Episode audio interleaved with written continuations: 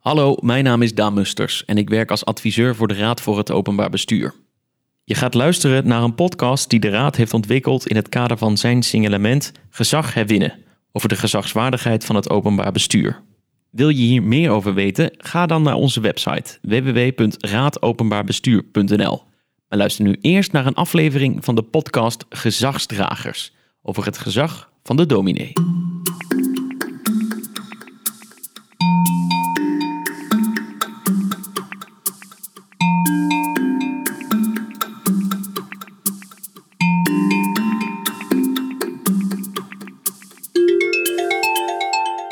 Gezag is in de hele samenleving minder vanzelfsprekend. En toch zijn er nog altijd mensen die we als gezagvol zien. Bijvoorbeeld om wie ze zijn, of wat ze doen of wat ze weten. Wat kan het openbaar bestuur daarvan leren om zijn eigen gezag te herstellen? Dat is de vraag die we in de podcast Gezagdragers proberen te beantwoorden. Door in gesprek te gaan met mensen met gezag. En vandaag doen we dat met Almatine Lene. Zij is dokter in de theologie en predikant in de gereformeerde kerken vrijgemaakt. In het jaar 2021 was ze theoloog des vaderlands. En we gaan met haar praten over het gezag van de dominee. Um, Almatine, leuk dat je te gast wil zijn in onze podcast. Ja, dank voor de uitnodiging. En ook leuk dat je ons hier wil ontvangen. Ja. Kun je even vertellen waar we precies we zijn. Waar we zitten? Ja, we zitten hier uh, boven in uh, de kerk waar ik dus uh, predikant ben, kerkgebouw De Open Poort in Hattem.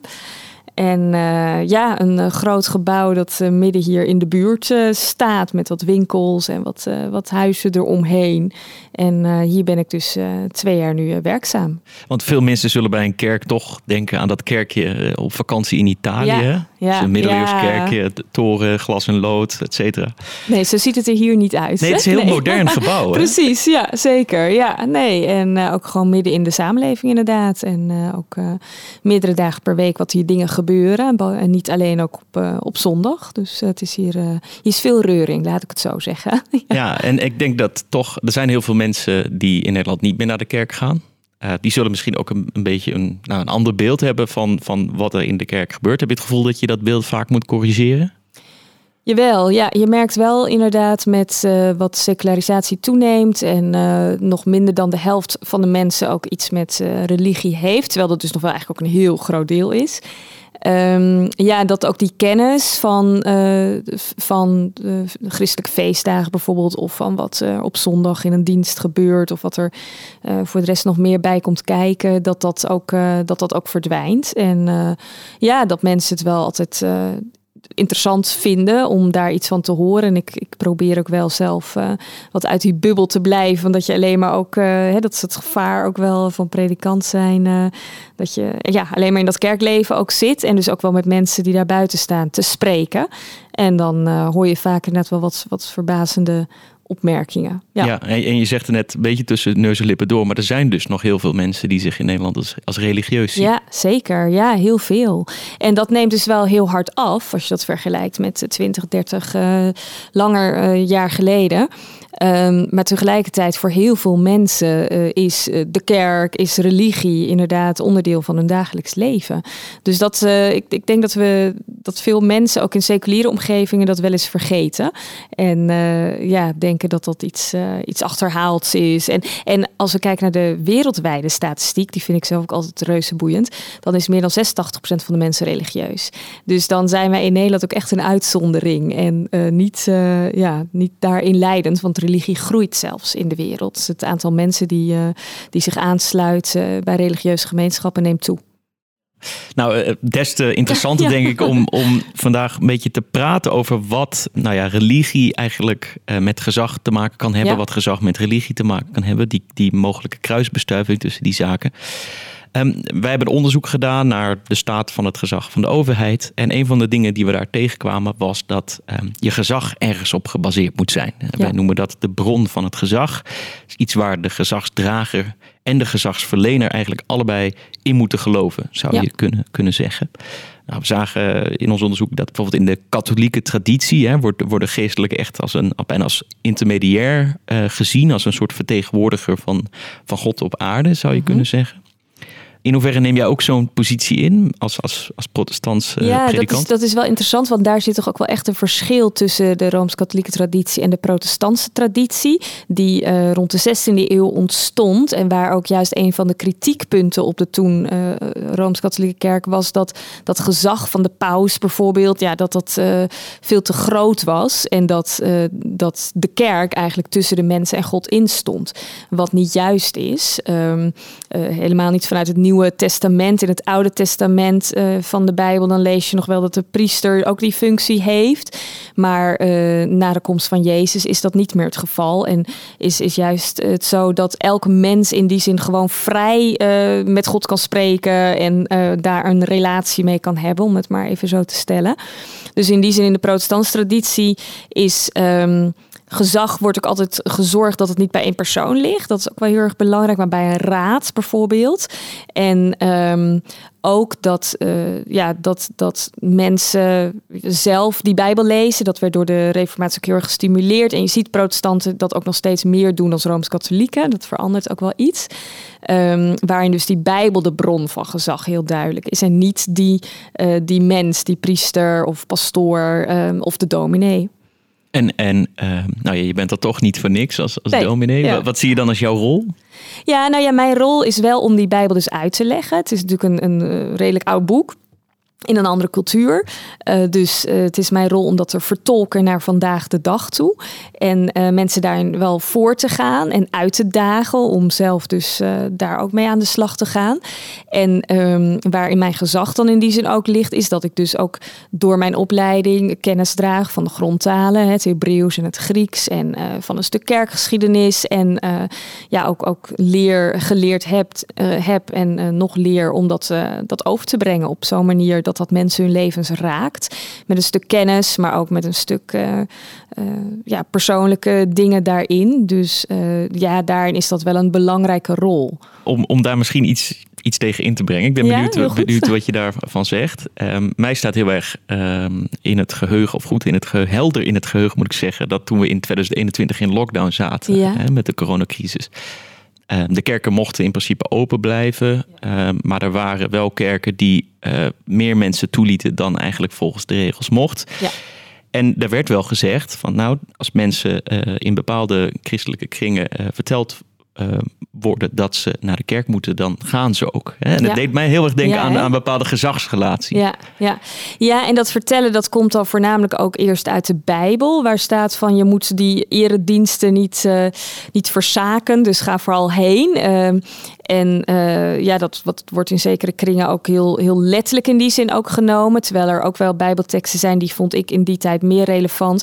Waarin bijvoorbeeld staat waar, uh, ja, waar twee of drie mensen zijn, daar, daar is God ook. Dus dat hoeft niet naar een gebouw. Het is niet alsof God daar is. En, um, maar dat is wel interessant uh, dat, je, dat je inderdaad dat waarneemde ook, of waarnam in, in die coronatijd. En dat dus ook mensen voelden dat die wetten van de overheid en die adviezen in dat geval geen gezag hadden maar dat uh, de kerk dat had en wat zij zeiden. En dat was denk ik ook wel voor de kerken, uh, dat heb ik ook wel zo beleefd, ook echt wel een, een grote verantwoordelijkheid. En verreweg de meeste kerken mm. hielden zich aan die regels van de overheid. Hè. Dat is in die zin ook heel bijbels om te doen. Van de overheid heeft, staat ook in, uh, in een bijbelboek als Romeinen, heeft dat gezag gekregen. Dus uh, ja, laat je daar ook door leiden als ze dat ook op een goede manier doen. En um, ja, van alle kanten was het in die zin natuurlijk interessant vanuit cultuur en, en dergelijke. Maar dat was, ja, dat was wel de meerderheid die dat zo deed. En er waren inderdaad een aantal kerken die zeiden van nee, daar gaan wij ons uh, niet aan houden. Ja, en dan is het tegelijkertijd dus weer heel erg interessant hoe er meer vanuit de seculiere bubbel naar zulke evenementen ja. of zulke gebeurtenissen wordt gekeken. Ja. Want dan wordt het wordt een soort. Dan onbegrijpelijk, hè?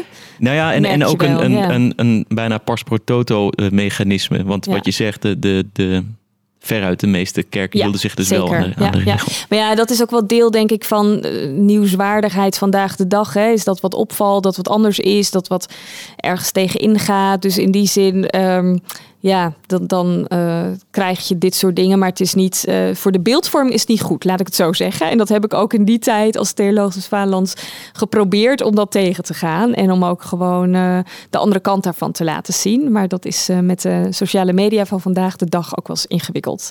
die heeft gezag ook, die sociale media. Ja, nee, dat merk ik wel. Dat, ja, ja. We maken deze podcast, zoals ik al zei, om een beetje ook te leren van wat kan het openbaar bestuur nou leren um, van het gezag van de dominee, om het dan, dan ja, zo maar te zeggen.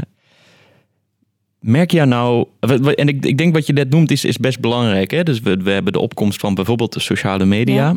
En je ziet dat daar door eigenlijk het gezag van de overheid op bepaalde punten misschien onder druk komt te staan. Omdat, omdat men toch in één keer open staat voor een hele andere of een hele hoop andere interpretaties van de werkelijkheid. Merk je nou ook als dominee dat men, uh, ik, ik hou niet zo van dat woord, maar dat men mondiger is geworden?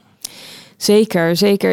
Je hebt, um, dat is dus ook wel onderdeel van het DNA van protestantse kerken. Hè? Dat, uh, dat dus iedereen de Bijbel moet kunnen lezen. Destijds, uh, die tijd was het nog in het Latijn, dus dat was ook niet voor iedereen uh, beschikbaar. De reformator Maarten Luther uit Duitsland heeft, het, heeft de Bijbel toen ook in het Duits vertaald. Nou, dat is allemaal zo doorontwikkeld. dus in die zin zit het ook wel in het DNA. Dat mondig zijn is ook goed. Maar tegelijkertijd um, ja, merk je ook wel door, denk ik, die sociale media en uh, internet en dergelijke, dat, uh, ja, dat mensen veel meer mogelijkheden hebben om, om verschillende dingen te beluisteren, te bekijken, zelf informatie op te zoeken. En dat daardoor. Um, ja, het gezag van een predikant, denk ik, uh, zeker ook uh, minder is geworden. Hè. Je, kan, je kan bij wijze van spreken gewoon zelf op het internet even het Griekse woord opzoeken. En, uh, en, en je komt daardoor ook in aanraking met meerdere perspectieven, meerdere uitleggen. En um, ook denk ik, een van de kenmerken van onze tijd is ook wel dat we dus heel erg op gevoel ook daarin wel afgaan. Van wat, wat goed voelt. En uh, ja, dan sluit je daarbij aan zonder dat je echt grondig erop ingaat. En ik denk ook de informatie overload. Uh, ik heb daar zelf ook altijd wel last van. Ik denk, er is zoveel informatie. Er is ook gewoonweg geen tijd om je in alles te verdiepen. Dus dan ga je ook sneller op je gevoel af. En denk je van, nou ja, dit, uh, dit vind ik, want dit voelt gewoon goed. Of dit heb ik iets aan. Hè? En ook dat individualistische. Um, als het mij maar past. En dat gemeenschappelijke, um, ja, dat zie je ook heel weinig. En dat vind ik wel mooi nog aan de kerk ook uh, specifiek is dat je dat gemeenschappelijke, dat gezamenlijke wel ook nog heel erg hebt. Je zoekt elkaar op en uh, dat werd dus ook heel erg gemist in coronatijd. En dat zorgt ook dat de media die groepen snel te vinden weet. Hè? Want er waren natuurlijk veel meer mensen. Er zijn ook veel mensen die bijvoorbeeld niet laten vaccineren of die wel allerlei dingen deden die ook niet mochten in groepen bij elkaar komen. Maar die zijn dan lastig te traceren. En uh, dat denk ik is ook een van de krachten van de kerk. Um, om te zeggen, ja, we, hier hebben we bijvoorbeeld duizend mensen die, die bij deze kerk zijn aangesloten. Ja, dat heeft enorm veel kracht in wat je dan ook voor de ander kunt betekenen. Als iemand ziek is, dan kun je kaartjes sturen. We hadden hier laatst een uh, man die is nou onlangs overleden, nog vrij jong, uh, uh, was vrijgezel. Elke avond wandelde iemand met hem uit de kerk. En je hebt gewoon dus heel snel een, een sterke sociaal netwerk die voor jou iets kan betekenen, maar dus ook voor de ander en daarbuiten zelfs. Dus ik denk dat dat ook wel echt een, een, een kracht is van de kerk die in deze tijd ook wel dus redelijk uniek is. E-, even terug nog naar dat gezag wat misschien dan uh, iets, iets problematischer wordt. Hè? Dus, dus jouw ja. gezag. Ja, ja. Hoe, hoe merk jij dat dan? Van, zeg maar, wat, waar, waar, merk je dat aan? Bijvoorbeeld in het contact met, uh, met de mensen in jouw kerk? Ja, dat het, dat het dus veel diverser geworden is. En dat mensen... Um, uh, ja, dat is dus ook vertellen hoe zij het interpreteren en uh, hoe zij dat zien. En op zich kan dat natuurlijk ook voor, voor goede gesprekken zorgen. Um, en, en ik moet zeggen, ook de kerk waar ik predikant van ben, van ben is ook altijd al wel kritisch geweest. En werd altijd uh, gezocht naar die ene waarheid. En dat zit ook nog wel een beetje in, uh, in het DNA. Want verschillende perspectieven is denk ik altijd wel interessant. Maar dan vind ik het altijd wel fijn als het ook naast elkaar kan staan.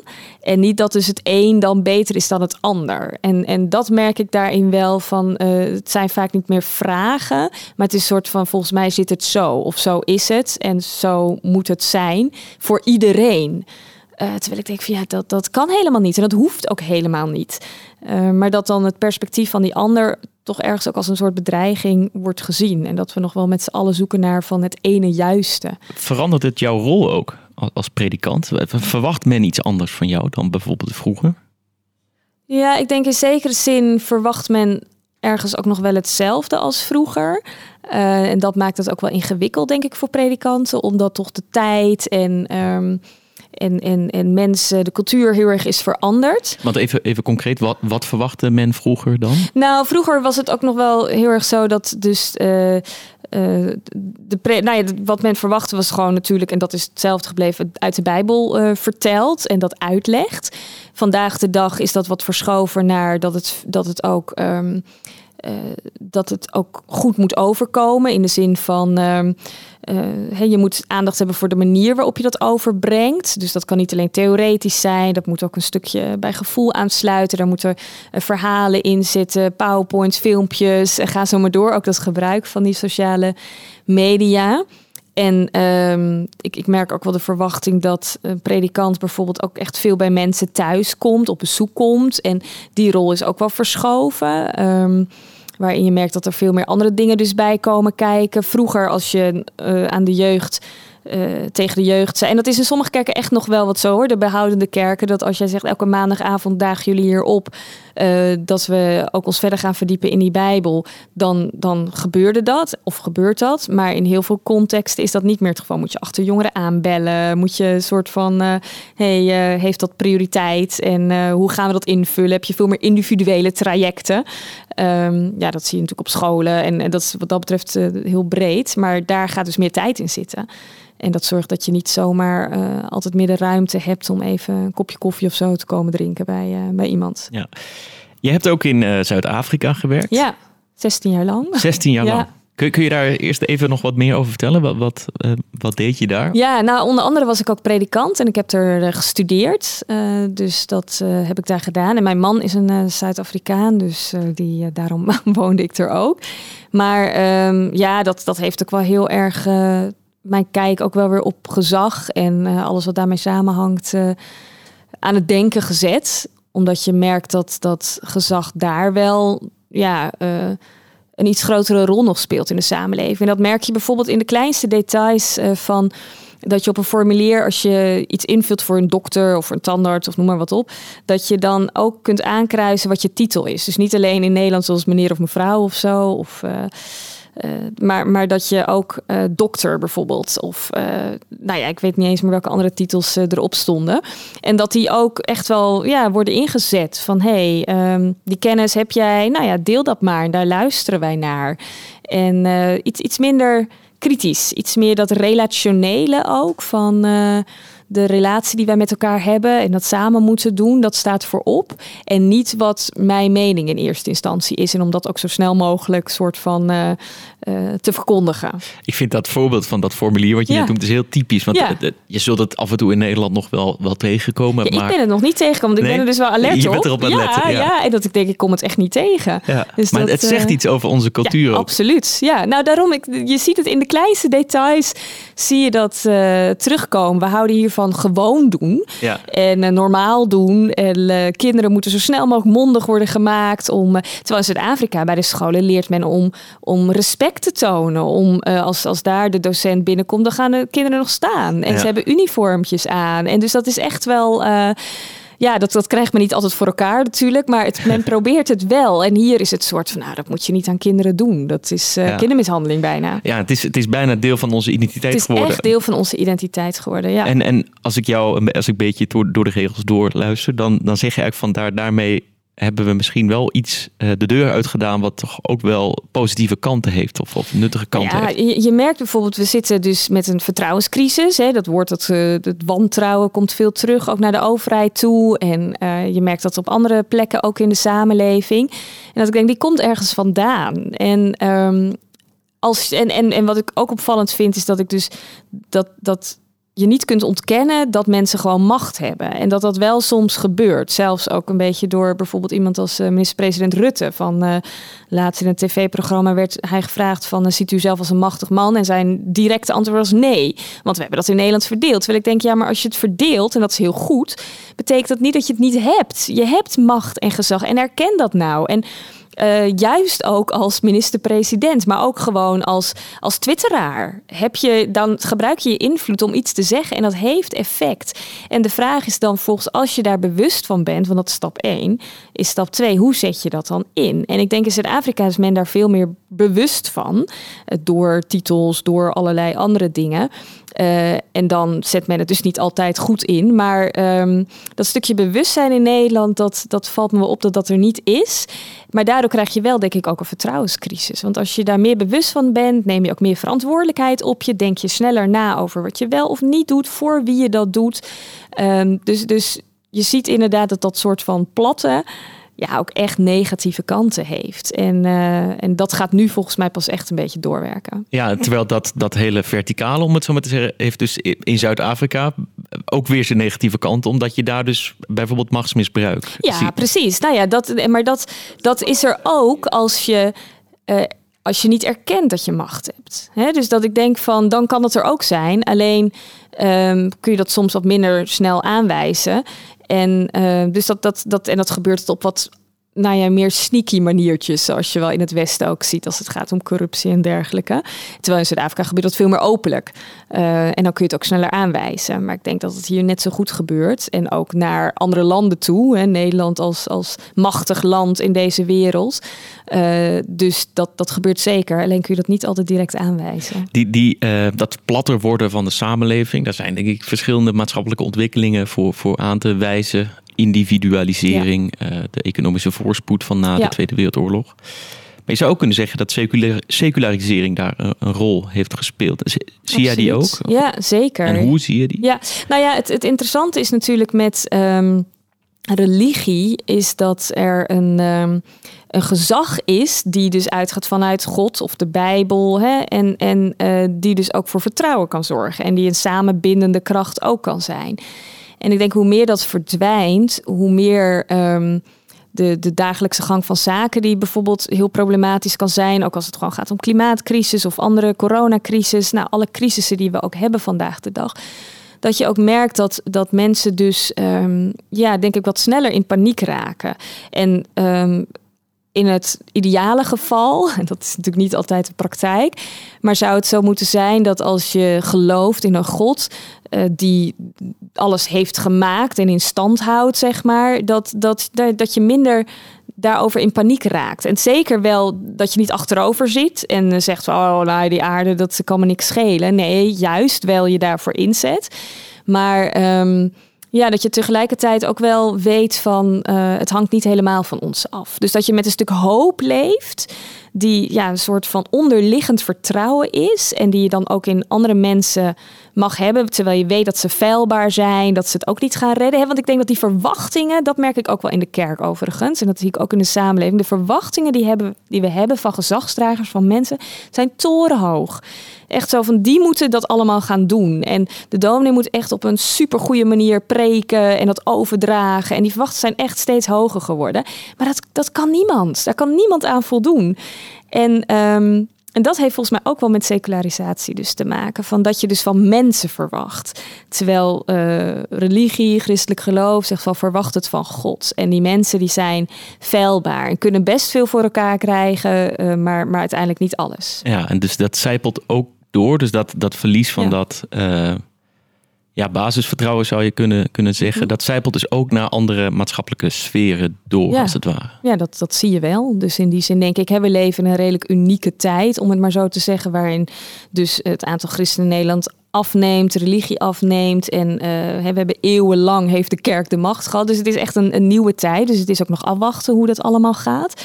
Maar de eerste tekenen daarvan uh, die we zien zijn niet per se uh, heel positief. Al hangen er ook positieve dingen mee samen hè, met secularisatie. Ik wil niet zeggen dat het alleen maar negatief is. Maar ehm, ja, je ziet wel aspecten waarvan je denkt, hé, hey, waar gaat dat heen? Welke kant gaan we op? Ja, zou je kunnen zeggen dat men zich wat calculerender is gaan opstellen ten opzichte van elkaar? Berekender. Ja, be een beetje berekenend of zo. Ik, ik probeer een beetje te, te, te duiden wat, um, of te, te, te, te, te begrijpen wat nou die secularisatie eigenlijk betekent ook heeft in mijn, bijvoorbeeld in, in, gewoon in mijn dagelijks leven. Wat betekent dat in het dagelijks leven van mensen? Hè? Uh, berekender, ja, in, in welke zin zou je dan denken dat dat meer Dat, je, Nou- dat je zelf wel inschat wat je kunt verwachten en dat zelf moet doen. Die druk, zeg Ja, maar ook. dat, ja, dat dacht Ja. ik een beetje dat je, Klopt, dat je ja. net zei. Van, Nou klopt, die, die verwachtingen, dat heeft ook te maken met druk. Dus die je op jezelf legt, die je op anderen legt. ehm, dat jij het moet doen. En, en zo zie ik de overheid ook wel functioneren. Van wat kost het ons? Hè? Wat, eh, en, en berekeningen maken en op grond daarvan besluiten nemen. Terwijl het christelijk geloof en de Bijbel zeggen die waarde van een mens is niet afhankelijk van wat hij of zij kan doen. Ehm, dat, is, dat ligt in zijn of haar mens zijn. En of je dan zwaar gehandicapt bent of ehm, ja, economisch heel voorspoedig, dat maakt in die zin dat daar hangt jouw waarde niet van af. Dus inderdaad ten diepste wie jij bent als identiteit.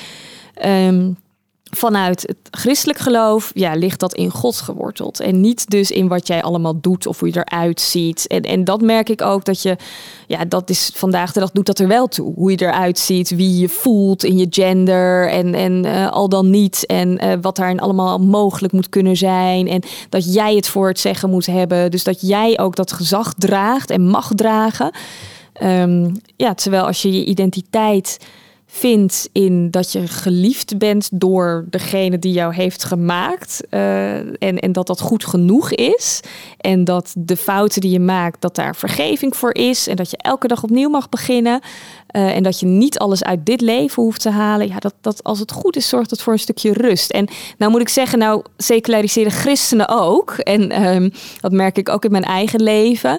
Dus eh, dat wat ik zeg net, om dat in de praktijk uit te leven, is ook niet altijd zo eenvoudig. Want ik word ook in beslag genomen door druk zijn en door eh, van alles willen doen en daarin mijn identiteit vinden. Maar eh, mijn geloof helpt mij wel om daarvan elke keer te zeggen: nee, maar dat klopt niet. En je merkt ook in de praktijk dat dat niet klopt en dat je daarmee ook niet gaat redden. Dan loop je gewoon tegen die grenzen aan. Van als je een zeker mensbeeld hebt. ehm, ja, waar, waar je alles van de mens verwacht. eh, of dat op een economische manier inkleurt. En eh, ja, dan, dan loop je ook gewoon tegen die grens aan. Jij als, als dominee eh, eh, zet je ook in om, om die manier van kijken naar het leven, om het Ja. zo maar te zeggen, te promoten, om een heel modern woord te... Zeker, ja. Die promote ik.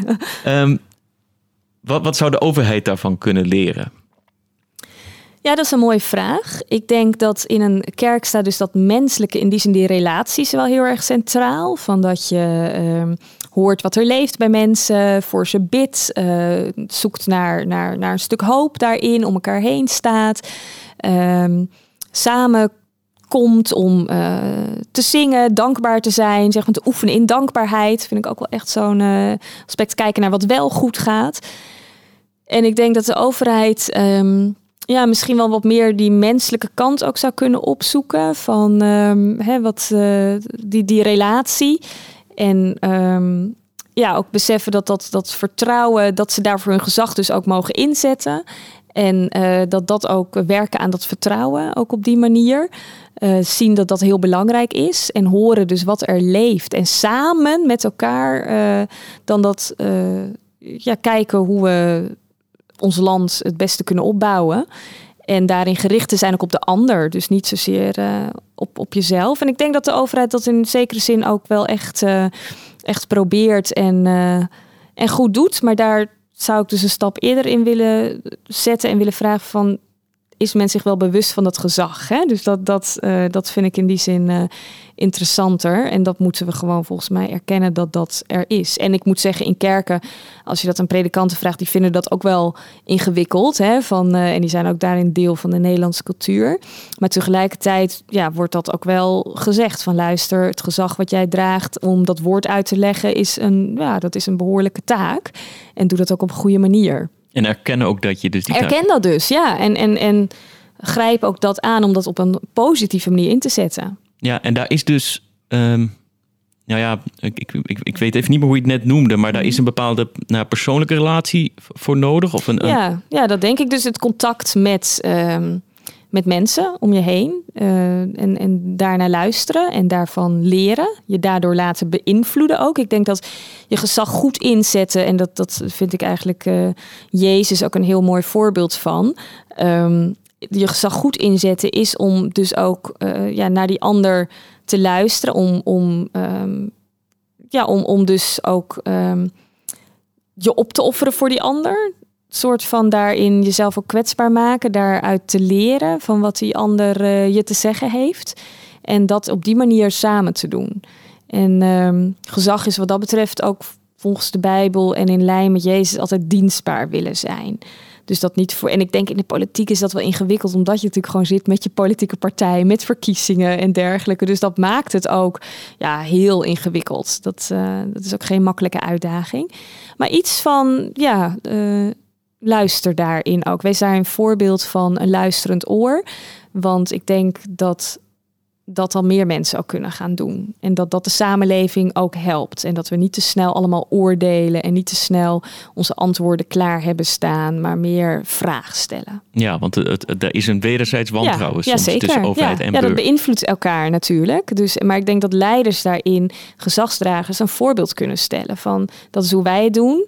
En um, wij nemen die verantwoordelijkheid op ons, uh, hebben daar consequenties aan vasthangen, zijn gericht op die ander. En dan, ja, dan heeft het als het goed is ook positief effect in de samenleving.